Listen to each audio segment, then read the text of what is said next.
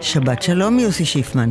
שבת שלום ראשון מיכאלי. החתונה מתקיימת, נישואי פיגארו. החתונה מתקיימת, נדחתה, נדחתה, את יודעת. אה, הכלה חלתה, החתן חלה, אי אפשר לדעת, הייתה קורונה אה, באמצע. נכון, וזו הפקה חדשה, זה צריך לומר, נישואי פיגארו באופרה הישראלית. דיוויד פאונטני, שהיה כאן כבר כמה פעמים, כולל עם, בזמנו עם ההפקה המפורסמת שלנו, סאט. והמנצח מיקלי גמבה, שגם הוא היה כאן, בעצם הוא סגר את האופרה בהפקת אידומינאו לפני הקורונה. והנה זה חוזר, התאריכים נדחו כמה וכמה פעמים, ואפילו את הצגת הבכורה הרשמית, האופרה דחתה להצגה מספר 7, כלומר הבכורה הרשמית תתקיים רק ב-7 באפריל, אבל האופרה מתחילה לרוץ, והיא תוצג, ונשואי פיגארו, זה האופרה שמלווה את האופרה הישראלית משנתה הראשונה. מ-86 הייתה פעם ראשונה שהעלו את האופרה הזאת, והיא ממשיכה בזה אופרה אני עוברת לסדרה נוכחית בתזמורת הפילהרמונית בהיכל התרבות של תל אביב, כי הפעם מנצח הבית הוא בתפקיד של פסנתרן. נכון, כי הוא באמת, הוא התחיל כפסנתרן, מדובר, שוב מדובר במוצרט. המנצח הוא ג'אן אנדריאה נוזדה, שגם הוא איכשהו קשור לאירועים, הוא היה מחניכיו של גרגייב ברוסיה, איטלקי.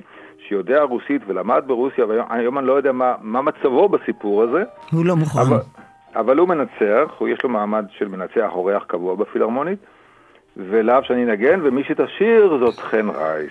חן רייס הגדולה שלנו. והכל אריות של מוצרט? מה, מה, בקונצרט אחד לפסנתר מספר 23, כן, שכמובן... מוצרט, ודרך אגב, השבוע התבשרנו שחן רייס הולכת להופיע עם... Uh, אה, בהפקה בפסטיבל בוורוצלב, בהפקה חדשה, תיאטרונית מוזיקלית, אז כך שזה מין פתיח לקראת הדבר הזה. אז בתוכנית הזאת גם סימפוניה מספר 38, פראג, ואריות וקונצרטו לפסנתר, וזה בפילהרמונית. אריה ספציפית אחת, האריה הזאת שאשכח אותך, זה אריה שמוצר לוקח מתוך האופרה שלו ומספר סיפור אישי. על פרידה מזמרת שהוא כנראה מאוד מאוד אהב אישית, ויצירה נדירה ומיוחדת במינה. התזמורת הקאמרית הישראלית לקחה את שם הקונצרט מערת פינגל מיצירה של מנדלסון, אבל אנחנו נשמע משהו אחר. כן, צריך לומר שפה הכנר הראשי הוא ימן סעדי מנצרת, שהוא היום הכנר הראשי בתזמורת דיוון מזרח-מערב של, של ברמבוים, והוא הוא, יהיה הסולן, אבל יש שם יצירה מעניינת, זהו, היצירה האחרת היא של קרל עמדאוס הרטמן, זה מלחין גרמני. בוא נשמע קצת, קצת אני רוצה לשמוע ממנה.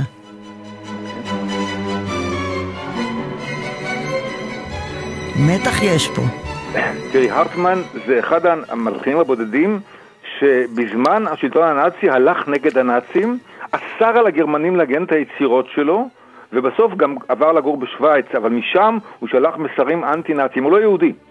הוא שלח מסרים אנטי-נאציים לגרמניה הנאצית, והוא מלחין מרתק בזכות עצמו, אבל האקט הפוליטי הזה, שלא כל כך מאפיין אמנים, זה דבר שצריך לזכותו. נצח על הסדרה, דרך אגב, כריסטוף פופן, שכבר היה פעם... ואמרנו, הכנר ימן סעדי מנצרת, הוא כן. זכה בהרבה פרסים, וזה מתקיים בימים רביעי וחמישי במוזיאון תל אביב באולם רקנטי, נכון. ואנחנו נקנח בפסטיבל אפוס, אני חושבת.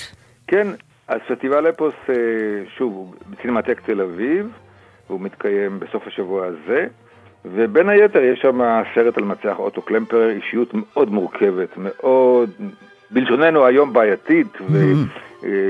וכל אה, המיטו וזה לא היו מקבלים אישיות כזאת. הוטו. כן, לגמרי. וסרט מעניין מאוד על בית האופרה באמסטרד שמתמודד עם המצב, סרט על החיים של שופן. וסרט נהדר על הכנרת ג'נין יאנסן שבוחנת 12 כינורות סטרדיוואריוס ובודקת מה טוב ומה פחות טוב בכל אחד מהם.